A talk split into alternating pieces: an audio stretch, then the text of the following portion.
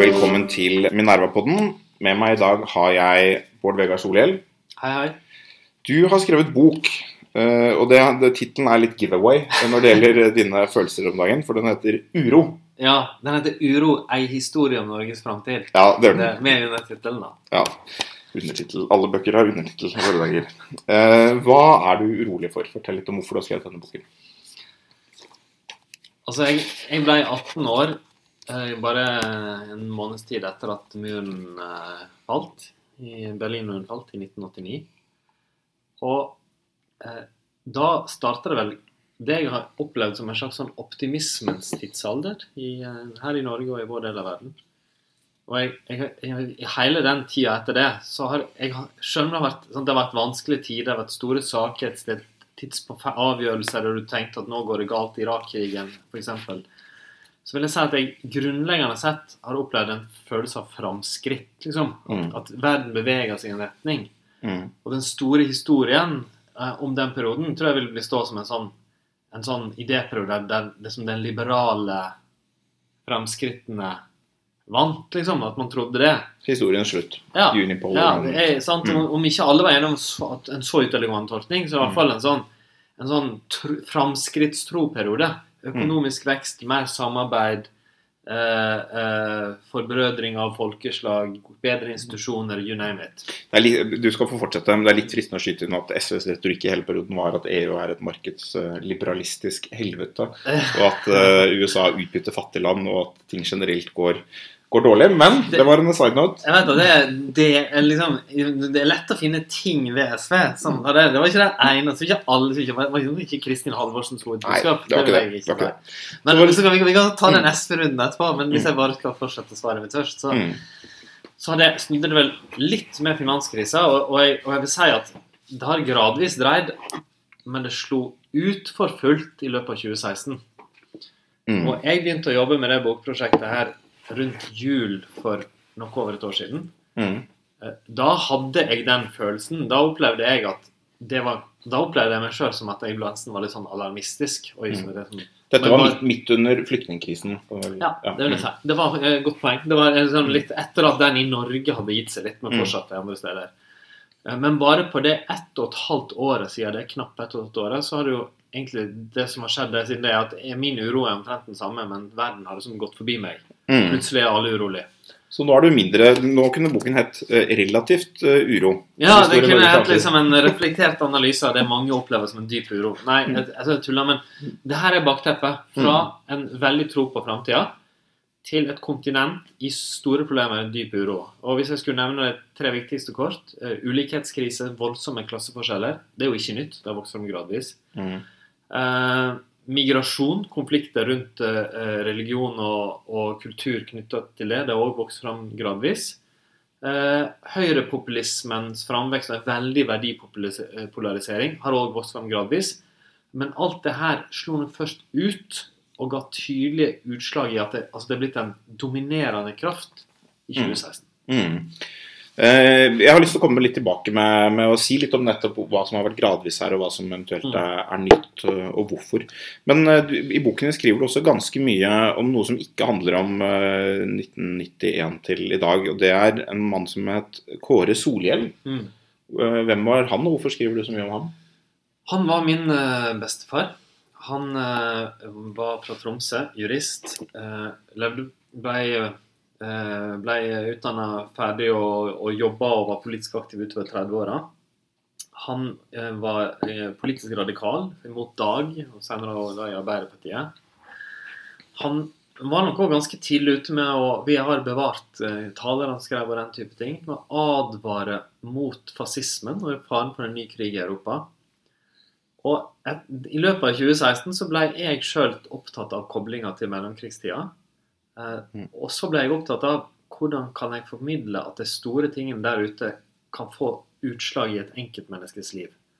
Og Derfor vil jeg hente fram den historien om han. Han endte rett og slutt, han ble motstandsmann. Ble tatt, angitt etter alt å dømme. Satt på Grini en kort periode, og så tre og et halvt år i Saksenåsen. Kom hjem til Norge. Eh, han eh, unnfanga da min far i mai 1945. Han er, Mm. Min far er født ni måneder etterpå. Mm. Men etter det så tok hans liv en dramatisk vending, som jeg da skriver om i den boka her. Kanskje skal jeg nevne det også at um, hele ideen til å bruke den parallellhistorien som knytter liksom min, mitt liv til det store historien, Mm. fikk jeg faktisk da jeg leste romanen 'Før jeg brenner ned' av Gaute Heivold. En fantastisk norsk roman som der han gjør det samme. Og så kommer jeg til å tenke jeg har ikke så ofte sett det gjort i sakprosa. Så tenkte jeg da skal jeg prøve på det.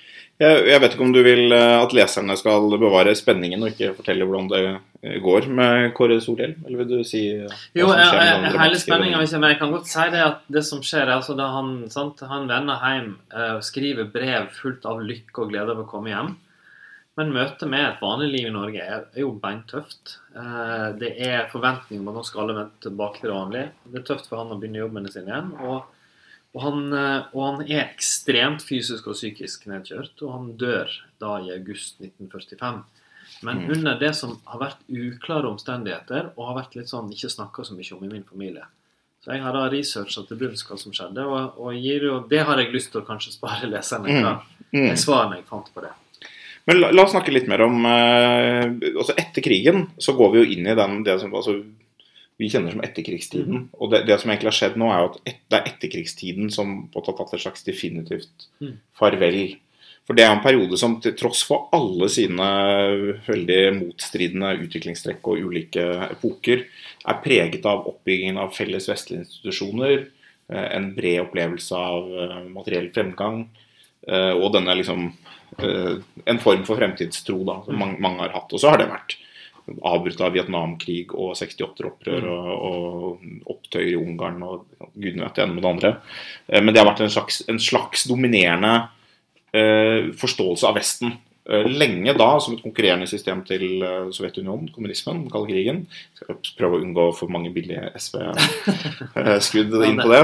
Jeg er så vant til det. Ja, ja, jeg tror ikke. Altså, det var lenge motsetning til det. Eh, og så, fra 1991, som du sa, så var det da eh, Nå har vi kommet i mål. Og så har det ikke slått til, da. Altså, min analyse, jeg hører litt på din, eh, hva du tenker. Min analyse er at det som har skjedd i år, er jo ikke noe Det er ikke noe eh, veldig nytt på noe enkeltplan. Altså, høyrepopulistiske partier har vært store ganske lenge. De har vokst i snitt, men det er litt fordi de har kommet til i mange land hvor de tidligere ikke fantes. Men altså sånn, man kan se på Frp har sitt gjennombrudd i 1989. eh, Dansk Folkeparti, det tidligere Fremskrittspartiet der. På samme tid. eh, Front Nasjonal har vært store lenge. Eh, EU-motstand i Storbritannia har vært der hele tiden. Og republikanerne har vært på tur en stund, må man kunne si, vi som er på høyresiden også. Det er heller ikke nytt. Eh, Det har vært en økende utvikling over, over mange år. Det som har skjedd i år, er at de har fått noen sånne gjennombrudd. Altså, Det er blitt satt i sånne binære avstemninger. Brexit eller ikke brexit. Altså ble det brexit eh, litt sånn i kjølvannet av flyktningkrisen og store påkjenninger. Og i USA så pga. topartisystemet så ble det klart at nå så vidt å vinne et flertall i den republikanske nominasjonen, og så med et mindretall i folket. Men det har enorme konsekvenser for måten vi ser på disse europeiske institusjonene på. Vet ikke om du, du deler den analysen at det som har skjedd, er jo egentlig at de europeiske, de vestlige institusjonene er under veldig press. EU, Nato. Det er de, de som står og menneskerettighetsregimene og denne type ting. Det er de som står under press. Ja, jeg er i hvert fall delvis enig. Eh, Jeg vurderer det også sånn at altså, det er ganske vanlig i historien at egentlig skjer endringer gradvis, sant, med veldig grunnleggende drivkrefter.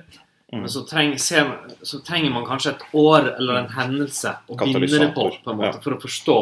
For å liksom forklare og eller se og peke på endringer i ettertid. Mm. Av og til kan det være en krig, noe som er veldig tydelig. Mm. Men andre ganger så, så blir det bare et eller annet som skjer, som er et symbol på det. Ta Ber- Berlinmurens fall som eksempel. da. Ja. Det var jo ikke selve Berlinmuren, så jeg var jo ikke i seg sjøl så viktig. Mm. Det var jo sammenbruddet av et samfunnssystem sant, som var poenget, og det skjedde jo gradvis. Mm. Uh, og mitt tips er at vi er, opplevde det samme nå. Det er egentlig du beskrev helt greit. Så en gradvise overganger som først får sitt utslag i at, uh, i at det kan Altså, det, det, det kunne påvirke valget i verdens mektigste land. Eh, det kunne påvirke et viktig veivalg i et av Europas mektigste land.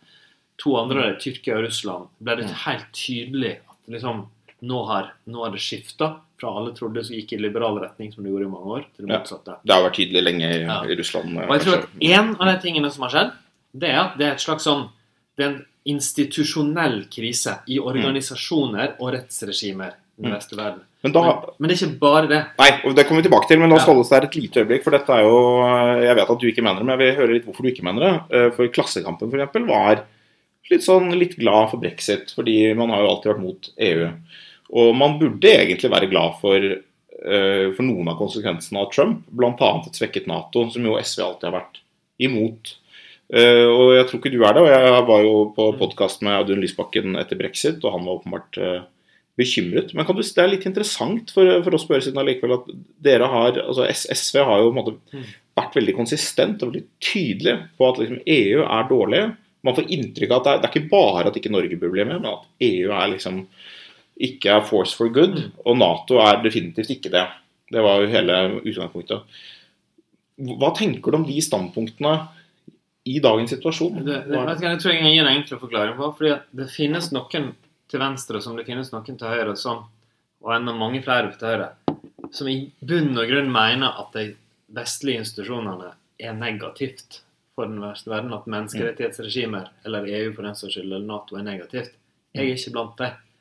Jeg mener at i bunn og grunn så er det et stort og viktig framskritt at rettsregimer eh, og ulike samarbeidsorganisasjoner har vokst fram. Så er det sånn at jeg er motstander av norsk medlemskap i en av dem. Men, men Hvil- Hvilke navn? EU, for å være helt eh, nøyaktig.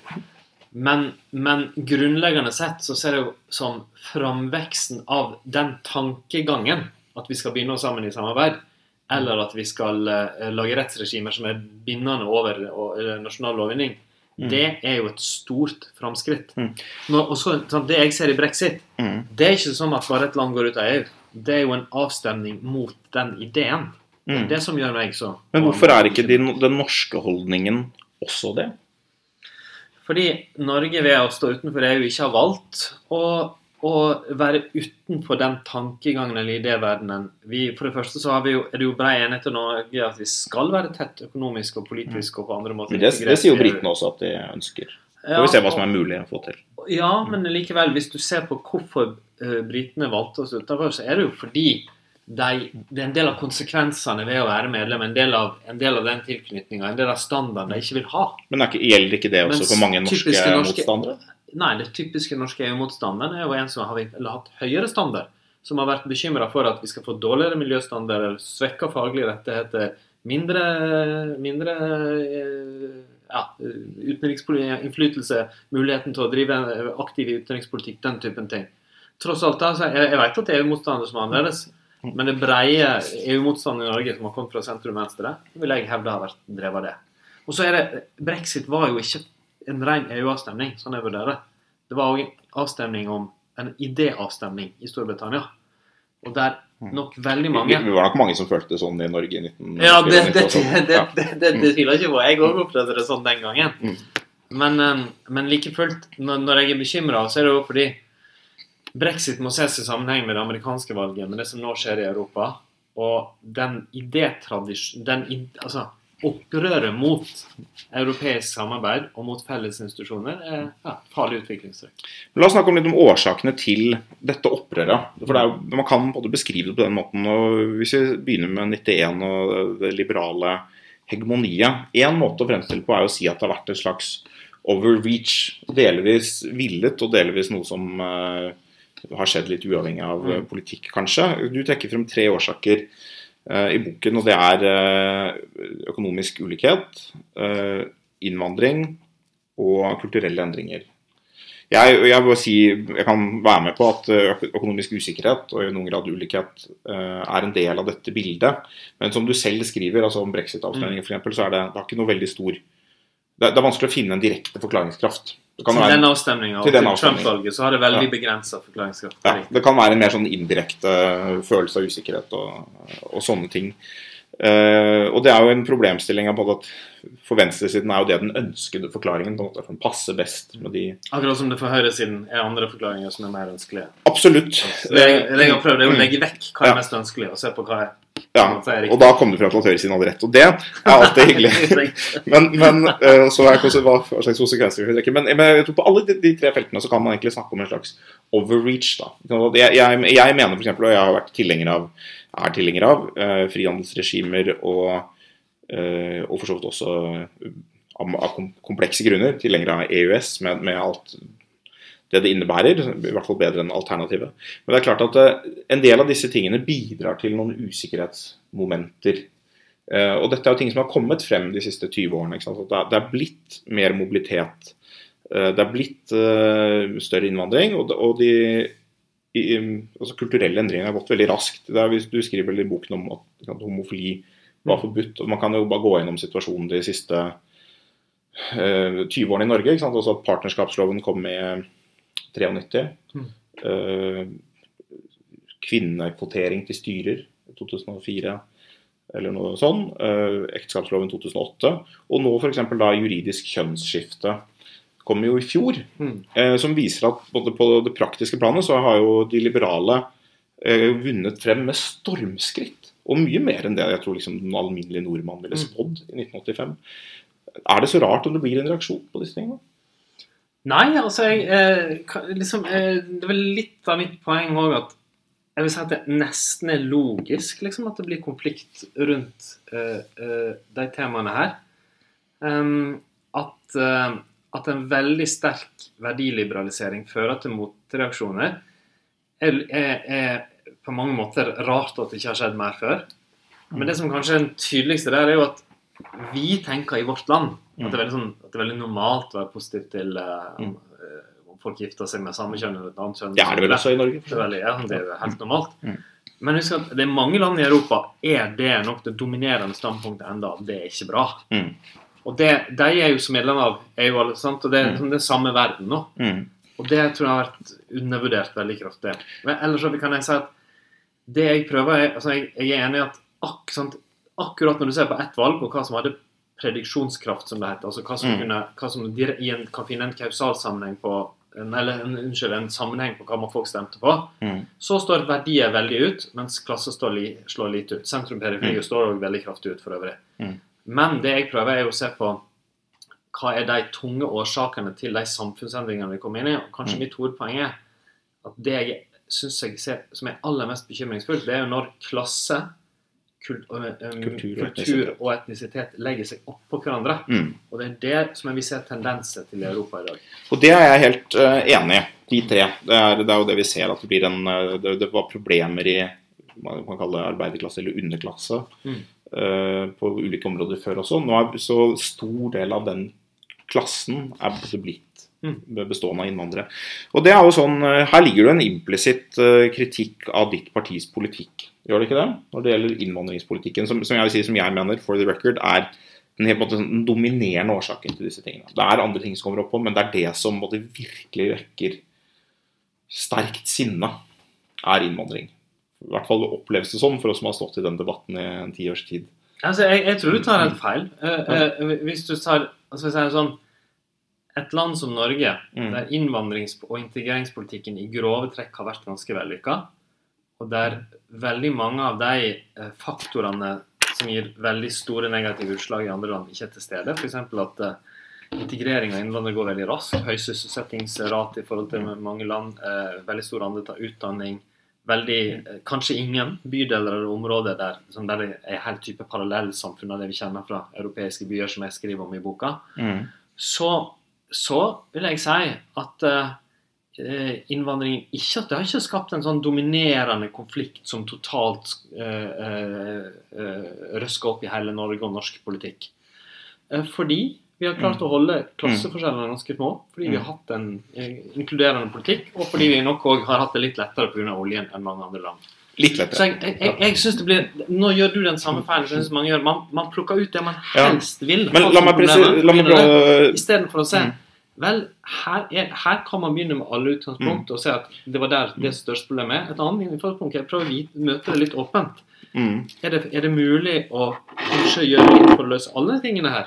Ja, det bør man jo. Men la meg bare presis presisere spørsmålet litt. Altså, jeg har forstått enigheten I Norge har vi ikke gigantiske problemer. Mm. og Derfor har vi også eh, ikke radikale høyrepopulister. Mm. Eller i hvert fall står veldig svakt. Uh, og, og vi har ikke så, så veldig store problemer på noen av disse tre sammenlignet med mange andre land. Mm. Altså, det vil si at fordi vi har store ressurser, uh, delvis, så, så klarer vi integreringen bedre enn noen Mm. andre land, i hvert fall. Vi har mindre økonomisk ulikhet og har hatt mye høyere lønnsvekst. altså en ting er ulikheten, Mm. men et stort problem i mange land har vært stagnasjon, høy arbeidsløshet og sånne ting. Det har vi vært helt forskånet for. eh, Inntil nå, i hvert fall. Eh, Nå kommer oljeprisfallet, så blir det vanskeligere. Eh, Og så har vi en relativt liberal befolkning. sånn at Disse verdikonfliktene er der, selvfølgelig. Men altså, vi har nok en mye høyere andel som er positive til de endringene enn mange andre land. Mm. Men også i Norge så har vi på en måte sett eh, si, altså det, det som er vårt høyrepopulistiske parti, da, Fremskrittspartiet, har jo i perioder stått veldig sterkt, og det er ofte knyttet til eh, ting som skjer på innvandringsfronten. Uh, for eksempel så var jo Fremskrittspartiet over 30 på meningsmålingene sommeren 2008, før finanskrisen. Altså, det fantes vel ikke noe land i verden på det tidspunktet som hadde hatt så sterk, så langvarig Mm. og så bred lønnsvekst, f.eks. Mm. Og det er viktig å huske at i de årene de var veldig sterke på 2000-tallet, så var oljepengene kanskje den viktigste årsaken. Ja, altså det, det, var, det, det er klart at det bidro. Eh, Men det er, en sånn Populisme henger i hvert fall sammen med mer enn eh, mer enn bare eh, Åpenbart. andre ting. Så, så det er liksom den ene siden av det. Eh, Jeg er enig at vi må prøve å løse mange av disse tingene samtidig, men jeg tror det som er frykten i dag da, så Det er åpenbart at det er masse sinne rundt innvandring i Norge i dag også, men det er ikke så, så sterkt at det gir de samme politiske utslagene Mm. kanskje som i noen andre land. Eh, Men frykten for en del er jo på en måte at det, det spørsmålet er hvor lenge det kan vare. Mm. At I dag er det eh, 900 000 innvandrere i Norge. Det er en dobling på tolv år eller noe sånt. Mm. Eh, og det er, ikke, det er ikke nødvendigvis sånn at du bare du skalerer det opp, så går det, fortsetter å gå akkurat like bra. Mm. Eh, er det en bekymring som er i ferd med å sige inn i SV? Altså, eh, eh, I hvert fall for min del så er jeg veldig bevisst på det. Og, og det er vel innvandring og kulturverdier er jo det dominerende temaet i boka, som du sikkert har sett. Men Mm. la, la meg holde fast ved koblingen. En sentral grunn til sinne over innvandring i mange land i Europa er jo at nettopp mange mennesker eh, med lite utdanning, man, typisk manuelle jobber, har blitt utfordra på arbeidsmarkedet av den samme innvandringa. Ikke minst ta Storbritannia som eksempel. Det er landet som har tatt imot flest arbeidsinnvandrere. Ganske mange mennesker der eh, ble pressa ut av arbeidsmarkedet. Enda flere fikk lønningene sine pressa nedover det. Det er med andre ord sånn at den økonomiske politikken og de store klasseforskjellene som er, eh, direkte har eh, vært med på å gjøre det sinnet og, og konfliktene rundt det større. Det har faktisk til og med vært i manges økonomiske interesse å være skeptisk til innvandring. Mm. Samtidig som da arbeidsinnvandring har vært stor. Og, det det, og så har vi en annen situasjon i Norge. Går vi igjen til USA, så vil det nesten snudd bildet. Jeg mener at det er helt åpenbart at de store klasseforskjellene i USA har vært et, et mye større årsak til problemene der enn innvandringspolitikken de siste 30-40 årene. Og helt inntil nylig så har jo heller ikke innvandringa blitt et stort tema. Trump klarte nok å utnytte det til en viss grad, men det, det er helt åpenbart at det landet med, eh, har sitt grunnleggende problem har vært stagnasjon i uh, lønninger, samtidig som klasseforskjellene har vokst altså voldsomt. Sånn at jeg tror at i sum da, så er det mye mer konstruktivt å forstå hvordan de her tingene spiller sammen, hvor negativt de påvirker og driver hverandre. Mm. Eh, Og hvis vi bare kan koble inn det med verdier på toppen av det her, så tror jeg at eh, kombinasjonen av eh, eh, økte klasseforskjeller med mer skepsis mot eliten på det, mot å se innvandring som en trussel mot seg sjøl, men samtidig at det blir positivt mottatt i eliten, har vært med på å skape den verdipolariseringa vi ser. Så det er det jeg, jeg, jeg, liksom, jeg er veldig opptatt av å forstå det, koble det sammen, Mm. istedenfor å liksom leite etter vinnerårsaken. Mm. Og Jeg skriver jo litt i den boka, men jeg er godt kjent med det der. På venstresida så vil man helst at det skal være sånn, og på høyresida vil man helst at det skal være sånn. Mm. Alle politiske bevegelser som vil dominere sin eh, tid, Mm. må gå inn i den og forstå den, og klare å se de, hvordan tingene henger sammen. da. Dette høres jo egentlig ut som en litt sånn konservativ analyse. Er det noe, Har du vurdert å melde over til høyre etter noe som du går Er forlater? er ikke det mer en, ikke en liberal analyse? En, jeg, si jeg, jeg, tror, jeg tror mange sosial, Jeg tror f.eks. at mange eh, liberale sosialdemokrater og sosialister rundt omkring i Europa vil finne den, eh, mye fornuftig i den. Men jeg tror òg mange høyrefolk eh, vil gjøre det. Tror, det som gjør at jeg tenker at den har, at den har noen konservative elementer, er at den på en måte trekker frem betydningen av eh, verdier for velgerne. Mm. Og betydningen av at politikerne lytter til det i noen grad. Også på en måte om de ikke mener at det, liksom er, det er prinsipielt bra eller Mm. noe sånt, men at det må være en slags sammenheng mellom politikken og de normene som faktisk finnes i befolkningen og, og sånn. Det er litt sånn Ja, tenk, tenk på det. Vi har jo hatt, Jeg vi har er- gått fra SV til Høyre før, og det er jo det er aldri for sent. Jeg tror, jeg, jeg tror nok det er et ganske safe eh, veddemål at jeg aldri kommer til å bli medlem eller stemme Høyre. Men du, Men er hvis jeg, skal jeg bare kommenterer, for det, det, det, det er fall enig at det er ingen rent materialistisk analyse, Mm. sant? men heller ingen ren verdianalyse, siden jeg vektlegger det økonomiske sterkt. Mm. Men det, det som kanskje finnes et konservativt element i, i det, er at jeg er jo blant de som mener at institusjonene vi har, tilliten vi har bygd opp, eh, måten nordeuropeiske samfunn fungerer på, er blitt veldig god. Mm. Og at jeg argumenterer jo et stykke på vei for å ta vare på det, Mm. ikke å revolusjonere det. Så- det, der, det Det jeg gjøre. Og da kan du få komme over på løsningene. Det kan kanskje avsløre også at du ikke er høyremann. Men altså, hvordan skal vi løse disse utfordringene samtidig som vi nettopp tar vare på de institusjonene i, i grove trekk eh, som vi har? Mm. Altså, dette, dette er jo sånn det er typisk Edmund Burke-problem. Vi, må foran- vi må åpenbart forandre et eller annet. Men vi må gjøre det på en måte som ikke river ned det tross alt fantastiske som vi, som Mm. vi har fått. da. Og hva er ditt svar? Nei, altså, det var jo en, som, eh, en, en av de som kommenterte den boka som skrev at analysen var bedre enn løsningene. Og det jeg, jeg på en måte sier meg enig i. fordi altså, sant, hvis, man, hvis man hadde løsninger Hvis jeg hadde løsningene, så hadde da, Ja, det er, det, det er fryktelig vanskelig.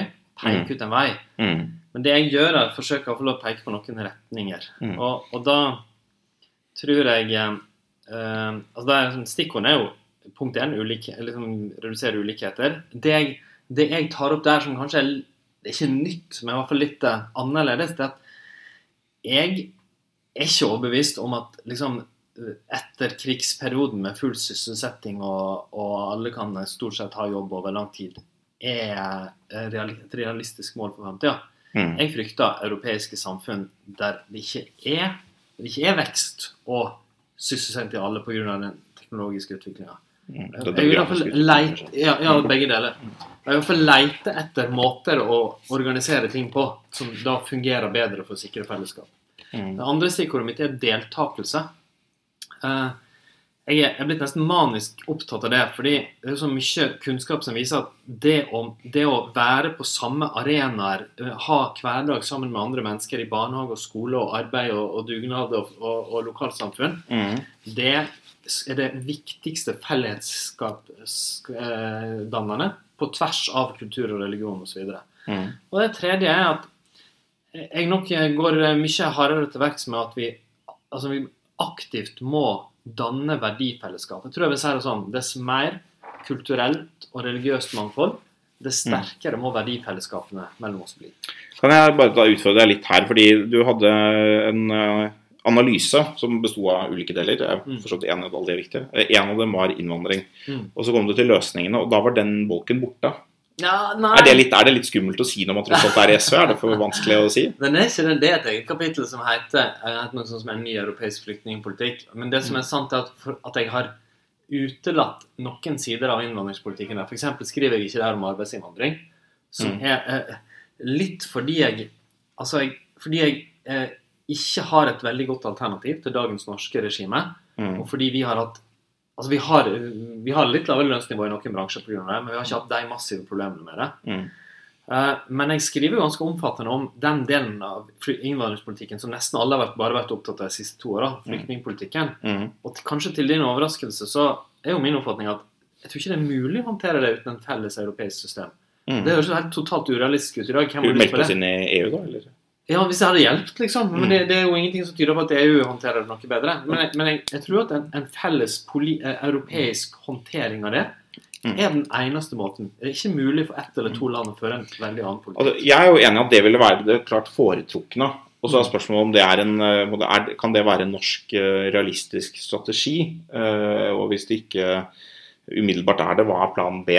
Mm. Så da, for da, Hvis det ikke er en sånn politikk, så må vi ha et nasjonalt alternativ. Ja, og, da, og da er nok min oppfatning at som jeg skriver litt om det i det kapitlet, men eh, jeg tror Norge kan ha innvandring om lag på det nivået vi har hatt i snitt de siste 10-20 årene framover. Med noen forutsetninger. Eh, og bare for å si det, Den innvandringa er jo ikke kjempehøy, liksom. Den er gradvis. Ganske høy de siste ti årene. Ja, i, i den, den er veldig skiftende. Mm. Eh, Men, men nå kommer det til noen forutsetninger. Punkt én at vi klarer å ha en eh, minst like god, sannsynligvis enda bedre integreringspolitikk på noen områder. Punkt to at den er rel relativt kontrollert. Altså at den ikke er at, at den ikke går i så altså det, det en, jeg, jeg tror det er veldig negativt for den at det plutselig Da må man gjøre noe med asylregimet, ja, sånn som det praktiseres. Som jeg da nettopp eh, Mm. foreslår å åpne for å diskutere Mm. her. Eh, og så tror jeg det er eh, eh, nok mer enn jeg diskuterer i boka, så kan det òg bli behov for å se på arbeidsinnvandringa og konsekvensene det har hatt for, eh, for arbeidslivet vårt. Mm. Men jeg, det er sant at jeg, jeg tror eh, innvandring er, eh, eh, gitt noen forutsetninger, et gode for et samfunn. Jeg mener at erfaring viser fra andre samfunn at det er håndterbart over tid. At befolkningen endrer seg, at vi, vi utvikler det. Men jeg, men jeg tror ikke på at det, liksom, det bare skjer av seg sjøl og så automatisk blir det rått. Jeg tror det krever ja, tøffe, tøffe grep i samfunnet for at vi fortsatt skal forbli et Mm. sterkt fellesskap. Da. Der var du litt mindre konservativ. Det kan, fordi jeg er jo jeg er også enig at det kan være mye positivt med, med innvandring, men det forutsetter litt dette at det både er kontrollert, og at det oppleves som Skjønt, her er det jo sånn på høyresida sånn som på venstresida at det er ganske ulike syn. Sant? Ja, ja. Du har en konservativ retning, som den du refererte til nå, men også en veldig liberal retning. Ja, ja, ja, absolutt. Så, jeg er her på den konservative siden, da, men, Ja. det, men det betyr ikke at jeg Det mener at det ikke kan være Det betyr ikke at det ikke kan være positivt, men, men det må være den kontrollen. Og det er, det er ganske mange i Norge som sier sånn ja, men dette kan fungere hvis vi får bedre integrering. Og Mm. det er, sånn, det, det er mulig, og det er jeg for så vidt positivt avventende til. Men da må vi gjøre det først. på en. Mm. Vi må ikke ta innvandringen først, og så etterpå se om vi får til en bedre integrering. Det er en eh, litt sånn for optimistisk eh, tilnærming. Ja, men der tror jeg vi Altså, jeg, jeg, vi har hatt god integrering i Norge. Altså, jeg tror, det er liksom Vis meg indikatorer på at vi sammenlignet med andre europeiske land ikke har det. Nei, det er, det. Utfordringer, Ja, ja. det er nettopp det. Vi gjør det bra sammenlignet med europeiske land. Det det viser hvor vanskelig det er. Ja, det blir tøffere i framtida. Mm. Og, og særlig altså Én ting er det økonomisk-sosiale, men jeg tror òg at det er liksom kulturelle dimensjonen ved det. Ja. Samholdskraften i samfunnet og sånn må på bordet. Den må på bordet. Dette er, da, da går vi inn for landing, men eh, jeg må si dette er en interessant bok, så da får du litt reklame. Uro det er jo grunnverdien for oss konservative. Og så, og ikke, Om ikke annet så løfter det på bordet de, det som er reelle problemer, og så får vi ta, ta det derfra. En historie om Norges fremtid. Du finner den i en bokhandel nær Og deg. Hvis jeg får lov til å slutte med å si at e- Egentlig er det jo en litt optimistisk bok. Eh, I hvert fall så slutter den på en tone av menneskets enorme eh, evne til å ta tak i problemer og komme godt ut av det. Takk for at du kom. Bård Vegar Solhjell. Hyggelig. Minerva-podden.